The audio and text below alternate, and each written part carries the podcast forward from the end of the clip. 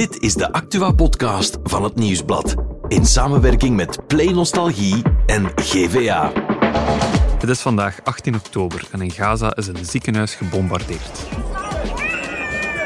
In Tienen woedde vannacht een zeer zware brand en de feestkerk in Brugge mag dan toch openen. Maar in deze Insider hebben we het eerst over uitgewezen asielzoekers. Hoe zit die procedure nu eigenlijk in elkaar? En hoe komt het dat de dader van de aanslag in Brussel nooit het land uit moest? Mijn naam is Bert Heijvaart en dit is de Insider.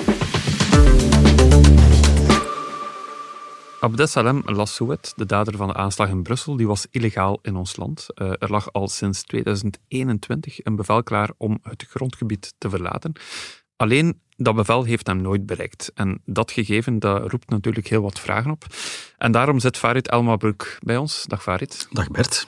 Farid, je bent politiek journalist hier op de redactie. Uh, een vatvol ervaring, mogen we zeggen. Zeg eens, zo je toch, ja. Ja, uh, en je hebt je gisteren eens verdiept in de asielprocedure uh, en vooral ook in de uitwijzingsprocedure, want daar gaat het deze dagen om. Daar roept heel wat vragen op, zeker in de case rond de dader van de aanslag in Brussel.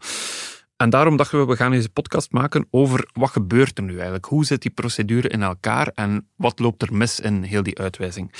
Stel, Farid, ik ben asielzoeker, ik kom in ons land binnen hoe vraag ik asiel aan hoe gaat die procedure dan in zijn werk? Wel, jij bent sowieso een van de velen die hier het land binnenkomen. Uh, het zijn er elk jaar tussen de 25 en de 35.000, dus best wel veel. Vorig mhm. jaar waren het er zelfs 36.000.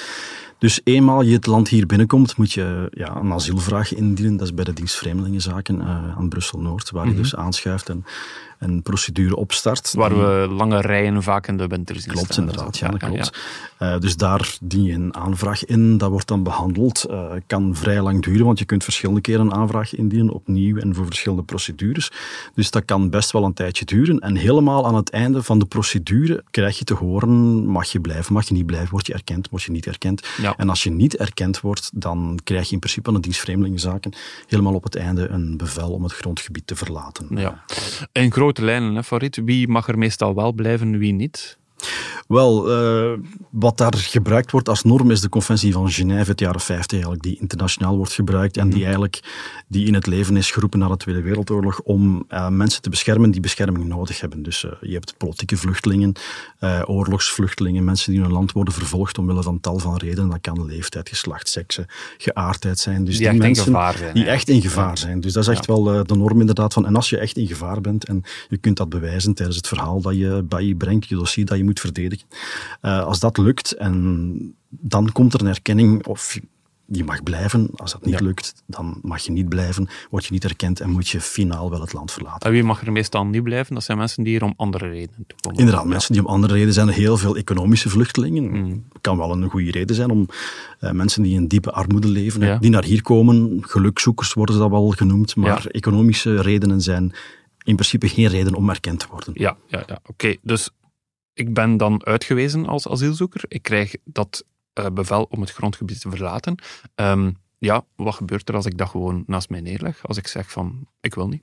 Wel, de facto gebeurt er niet altijd iets. Dat is het, uh, het grote probleem. Uh, ik belde gisteren nog met, uh, met parlementsleden van de meerderheid die zeggen dat, dat het te vaak een vodje papier is waar helemaal niks mee gebeurt. Ah, okay. Er zijn verschillende problemen mee. Om, het eerste probleem is al dat het bevel vaak niet tot bij de betrokkenen zelf raakt. Ja. Omdat die zijn adres niet gekend is, omdat hij zelf geen adres heeft opgegeven, mm -hmm. omdat hij ook al is ondergedoken, misschien al voelt van ik ga je toch een negatief advies krijgen, maar ik wil er zeker blijven, dus ik ga nu al onderduiken, zodanig ja.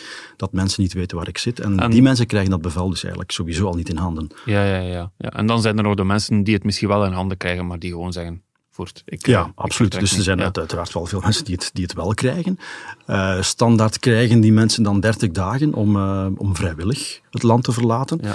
Uh, maar het probleem is dat er dus geen procedure bestaat om die mensen systematisch op te volgen. Het is niet zoals bij een verkeersboete of zo, dat je uh, een brief krijgt en nog eens een brief en uiteindelijk zelfs voor de rechter gaat moeten verschijnen als je ja, dat zou je eigenlijk wel kunnen verwachten, inderdaad. Dat ja. een overheid die beslist, uh, of die iets beslist, dat toch ook wel probeert af te dwingen of afdwingt. En de facto gebeurt dat hier niet of niet altijd, in elk geval. Uh, ja, ja, ja. Okay. Even concreet naar Abdesalam Lassouet, um, ja, de dader van de aanslag in Brussel. We weten, hij had in 2021 het bevel gekregen om België te verlaten. Wat was zijn situatie juist? Waarom was dat gebeurd? Wel, ik kwam sowieso uit Tunesië. Heeft een aantal jaren rondgezworven in Europa. Eerst via Italië, dan in Scandinavië terechtgekomen. Terug in Italië, finaal bij ons beland. Was het eigenlijk al sinds 2016 onder de radar, want niemand wist eigenlijk dat uh, dat de manier was. Tot, ik denk, 2019, eind 2019, toen hij toch een asielaanvraag heeft ingediend. Uh, maar een beetje een drogreden, want hij is zelf niet verschenen op zijn verhoor, heeft zijn dossier ook totaal niet, uh, niet, niet verdedigd. Ja. Waardoor die asielprocedure dus eigenlijk vrij snel, relatief snel, na elf maanden, was afgerond. Dat is en, snel in en ons land. Dat is snel in ons land, inderdaad, Ja, want het kan vaak uh, jaren duren. Maar aangezien dat hij zelf niet was opgedaagd, was het na elf maanden afgelopen, heeft hij dus wel degelijk te horen gekregen, of niet te horen gekregen, dat hij niet erkend werd. Ja, ja, ja. maar hij was op dat moment wel nog in ons land. Meer zelfs, hij woonde gewoon in Schaarbeek. Hij verstopte zich eigenlijk niet. Hè. Uh, hij ging naar het theehuis, weten we. Zijn vrouw had een kapperszaak. Hoe komt het dan dat die man uiteindelijk ja, niet dwingender werd uh, opgevolgd? Wel, officieel was zijn adres niet gekend. Ook de burgemeester van Schaarbeek heeft gezegd dat hij eigenlijk niet wist dat hij in zijn gemeente woonde, wat de Croda wel weer ontkende. Ja. Maar ze zijn ook naar daar geweest, uh, maar hem niet gevonden. Blijkbaar zat hij een enkele tientallen meters verder. Maar, uh, hij woonde aan de overkant van de hij straat. Hij woonde inderdaad ja. aan de overkand van de straat, dus mm -hmm. uh, daar is toch geen en ander fout gelopen. Wij moeten mensen die uitgeprocedeerd zijn en die te horen krijgen dat ze het land moeten verlaten, moeten daar een veel, veel steviger beleid hebben. Eigenlijk moet je bij die mensen heb je twee keuzes. Ofwel zet je die mensen vast en vanuit een plaats waar ze vastgezet zijn, um, vertrekken ze uit, uh, uit het land. Of anders moet je die, moet je die begeleiden. We hoorden premier De Croo gisteren in het VRT-journaal. En premier De Croo die sprak straffe taal, Farid. Hij zei, we moeten mensen die eigenlijk volledig uitgeprocedeerd zijn, gewoon vastzetten. En dan kunnen ze niet zomaar in ons land blijven rondzwerven. Ja, absoluut. Er waren heel stoere en straffe verklaringen toch voor een premier van, uh, van, van dit land. Ja. Uh, hij vindt namelijk dat uh, als mensen niet uitgewezen raken, er zijn inderdaad heel veel problemen met, met landen die hun eigen onderdanen niet willen, niet willen opnemen en die, die dus niet tot daar geraken. Ehm, als dat niet kan inderdaad, vindt premier De Croo dat die mensen dus systematisch moeten worden opgesloten in gesloten centra. Wat toch een heel straffe verklaring is. En is dat een realistisch idee?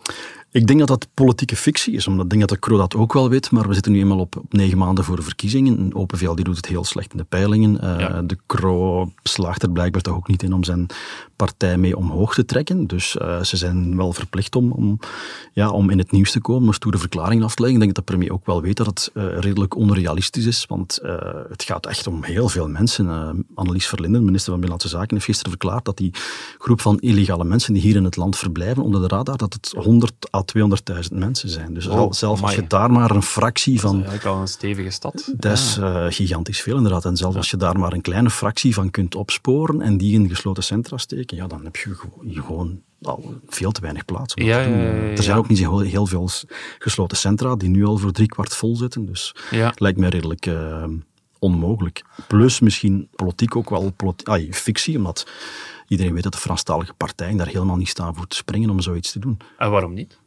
Omdat de Franstalige partijen en de Groenen vooral uh, traditioneel eerder positief staan tegenover vluchtelingen en zelfs willen dat die, de illegalen die hier in het land zijn worden geregulariseerd. Ja. Dus die zijn eigenlijk niet voor een streng terugkeerbeleid. En vandaar dat er binnen de regering ook daar nooit een, een akkoord over zal, uh, over zal komen. Ah ja, oké. Okay. Ja. Nu Farid, bij het voorbereiden van deze podcast heb ik nog eens het uh, verhaal van Semira Adamu opgezocht ik herinnerde mij nog vaak het verhaal van die Nigeriaanse asielzoekster die in 1998 op het vliegtuig werd gezet, maar um, ja, bij die uitwijzing zeer hardhandig werd aangepakt en zij is dan uiteindelijk gestorven. Dat was toen een, echt een trauma voor ons land. Hè.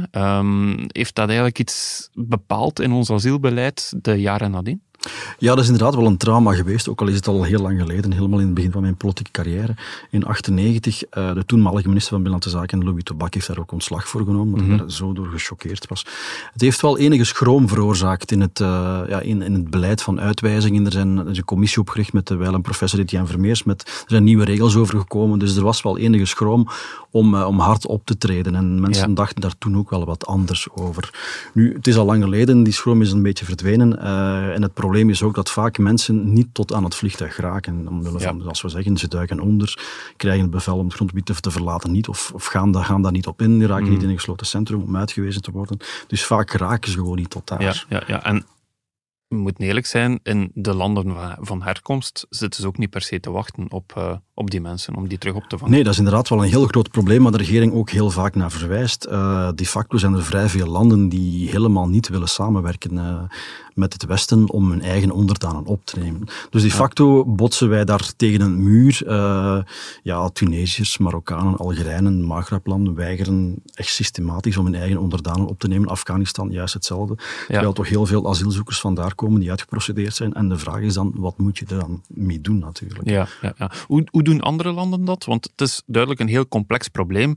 Uh, maar hoe doen Nederland, Frankrijk en zo verder dat? Wel, laten we zeker niet vergeten dat, dat we helemaal niet alleen staan met dit probleem. Hè. Het probleem duikt op in alle landen, alle West-Europese landen tenminste, in Nederland, in Frankrijk, in Duitsland zitten ze allemaal met de handen in het haar. Uh, de vraag van, wat doen we hier in godsnaam mee? Ja. Uh, er zijn uiteraard wel pleidooien om veel meer druk te zetten op die landen om toch samen te werken. Uh, Open VLD en CD&V stellen gewoon voor om zelfs de ontwikkelingshulp, om financiële hulp, om uh, visavrijstelling, om dat te koppelen aan de bereidheid om mee te werken. Ja, uh, ja want voor alle duidelijkheid, het gaat hier niet allemaal om mensen die een potentieel gevaar zijn natuurlijk voor onze samenleving. Het gaat gewoon ja, in heel veel gevallen om mensen die op zoek zijn naar een beter leven. Absoluut, zijn heel veel mensen en de overgrote meerderheid uh, stelt qua veiligheid helemaal geen probleem. Ja. Uh, maar ik belde ook gisteren met uh, veiligheidsexpert Kenneth Lazoen van de Universiteit Antwerpen en die zei dat het waarschijnlijk maar 1% is van, van die hele groepen, heel weinig. Maar als je weet dat het dan 100 of 200.000 zijn, dan gaat het toch nog altijd om ja. 1000 à 2000 mensen die ja. een potentieel gevaar vormen. Farid, je zei daarnet, het voorstel van de Kro is politieke fictie. Um, wat is er wel realistisch om dit probleem aan te pakken? Je stelt vast dat niet alleen bij ons, maar in, in alle onze omringende landen heel sterk wordt gekeken naar Europa om het ja. probleem daar op te lossen. Uh, er is ook binnen Europa wel een, een, akkoord om het anders aan te pakken, om die asielaanvragen aan de grens te behandelen, om de asielzoekers eerlijk te spreiden over, over alle Europese landen. Want bijvoorbeeld de Oost-Europese landen zijn helemaal niet bereid om asielzoekers op te nemen. Uh, dat gaan ze nu proberen afdwingen, ook al is het gewoon met het betalen van, uh, van een geldsom. Ja. Uh, de vraag is natuurlijk of dat akkoord dat er nu ligt, of het er nog doorgeraakt voor de verkiezingen. Want het Europees Parlement moet het nog goedkeuren. Het moet allemaal worden uitgevoerd. Terwijl er in, uh, in juni verkiezingen zijn. Uh, dat moet heel snel gaan. België is voorzitter van de Europese Raad begin volgend jaar. Dus daar ligt daar wil de wel, daar wil de Kro en heel de regering wel heel hard op inzetten om dat toch gedaan te krijgen. Ik las ook onlangs dat de staatssecretaris De Moor werkt aan um, ja, een systeem van terugkeercoaches. Uh, hoe werkt dat juist? Ja, zij benadrukt dat heel sterk. Zij heeft het over een aanklampend beleid. Uh, de facto had dat in, het gebeurt nu al, maar het is nog niet verplicht. Dat ze inderdaad werken met, met terugkeercoaches, met terugkeerloketten. Er zijn er nu al denk ik vijftigtal in het land. Uh, om mensen die in principe het land moeten verlaten om te begeleiden, om te stimuleren, mm -hmm. om niet toch te dwingen om in die richting te gaan. Nu, het is allemaal een beetje vrijblijvend voorlopig. Er ligt wel een plan klaar om het, uh, om het wettelijk te maken, om dat door het parlement te laten goedkeuren, maar dat moet nog gebeuren. En dan zal er ook een soort van medewerkingsplicht bestaan. Uh, dan zijn die mensen eigenlijk verplicht om mee te werken. Als ze niet meewerken, gaan ze automatisch gedwongen worden uitgewezen. maar zoals ik al zei, dat is een beetje toekomstmuziek, want het moet allemaal door het parlement geraken voor de verkiezingen. Ja. Ja. Dus uh, dat zou wel al een stap in de juiste richting zijn, mocht het echt, echt, echt lukken. Oké. Okay. Nu, Farid, de feiten zijn wat ze zijn. Uh, die aanslag is gebeurd in Brussel. Het verhaal van de dader toont aan dat er daar iets schort aan dat beleid. Gaat dit blijven spelen tot de verkiezingen? Ik denk dat asiel en migratie toch echt wel, je ziet het nu al een, een aantal maanden, uh, toch wel een groot thema is. Zoals ik al zei, België wordt uh, volgend jaar voorzitter van de Europese Raad. Ons land wil en, en, en, zal dat ook op de agenda zetten, want wij kunnen als voorzitter een aantal prioriteiten aanduiden waar Europa werk moet van maken. dat gaat gebeuren. Een aantal andere landen willen het ook wel doen, omdat het overal in Europa echt wel als een groot probleem opduikt ook wel de oorzaak is voor verrechtsing en radicalisering ja. van, uh, van het politieke het landschap. Dus ik denk dat het wel een thema gaat blijven tot aan de verkiezingen. Oké, okay, dan zien we jou misschien nog terug in deze, in deze podcast, Farid. Okay. In elk geval bedankt voor de zeer heldere uitleg en uh, tot de volgende keer. Graag gedaan. Als je wil weten hoe je best je pensioen opbouwt, kan je dat vragen aan je broer.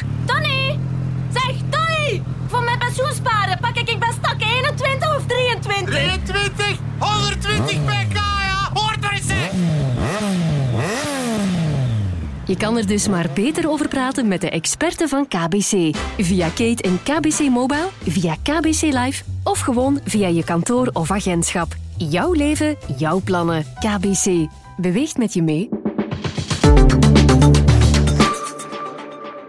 Voor het andere nieuws vandaag is Joni erbij komen zitten. Dag Joni. Dag Bert. Joni, het is een week helaas waarin het slechte nieuws echt uh, niet te vermijden is. Nee, uh, want we moeten weer naar Gaza. Daar is gisteravond echt een drama gebeurd. Hè. Ja, er was een raketaanslag op het Al-Ali ziekenhuis in Gaza-stad. En er zijn al zeker 500 doden geteld. Er liggen nog honderden mensen onder het puin. En vanochtend gaven verschillende dokters een persconferentie. Daar staan ze echt midden tussen allemaal lijken. Die liggen daar gewoon ja, op die de liggen grond. daar op de grond en daartussen staan die dokters en die vertellen ja, wat er gebeurd is, wat er aan de hand is. Het zijn echt heel chockerende beelden, heel schokkend. Um, en dat is duidelijk ook de bedoeling. Het is de bedoeling om echt heel de wereld wakker te schudden van dit is de situatie hier. My name is Dr. Ghassan Abu Sitta. I am a plastic and reconstructive surgeon. I am a British Palestinian volunteer with Médecins Sans Frontières. This morning, when I w- drove into the hospital, I noted how full the hospital courtyard was with families who had sought refuge inside the hospital, thinking that it would be a safe haven. It's these very same families who are now either dead or critically wounded as a result of this attack. Oké, zeer heftige beelden. Um, even over naar ons land dan, naar, uh, naar Tienen. Uh, daar woedde vannacht een zware brand. Ja, een hele loods van een busbedrijf is in brand gevlogen. 24 bussen zijn vernield. Het was echt een heel zware brand. In de buurt waren er heel veel roetdeeltjes. Dus mensen wordt aangeraden om niet zomaar groenten en fruit uit de tuin te eten. Want die, al die kleine deeltjes, dat is niet zonder risico. Ja, ja maar gelukkig geen slachtoffers daar. Nee, en de oorzaak is ook nog niet bekend. Uh, het was een hele nieuwe loods, gemaakt voor elektrische bussen met nieuwe oplaadinstallaties Mhm. mm -hmm. enzovoort. Maar ja, wat er juist misgegaan is, dat weten ze nog niet en daar gaat onderzoek naar gedaan worden. Oké. Okay. Dan nog even over naar de regio, naar de feestkerk in Brugge. Wat moet ik me daarbij voorstellen? Ja, de feestkerk. de kerk Ola in Brugge. Ola. Tot nu toe ja. mochten die maximum 12 optredens per jaar houden. Maximum twee per maand. Er waren eigenlijk verschillende klachten van de buren geweest. Maar nu hebben ze toch een vergunning gekregen en mogen ze onbeperkt openen. Ze zijn in gesprek gegaan met de buren. Ze hebben dingen gedaan om het geluidsoverlast te beperken. Maar nu krijgt dus een oude kerk een hele nieuwe invulling. En, dat, en die fungeert echt als vuistzaal eigenlijk? Ja, ze noemen het een concertzaal. Ja, moeten we eens naartoe, hè, Joni? Ja, inderdaad. Oké, okay, goed. Bedankt voor, uh, voor het andere nieuws. En uh, ja, wij zijn er morgen opnieuw met een nieuwe Insider.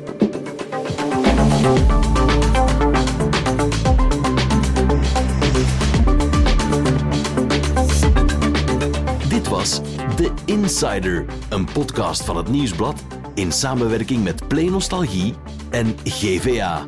De muziek is van Pieter Santens. De montage gebeurde door House of Media. Wil je reageren? Mail naar podcast.nieuwsblad.be.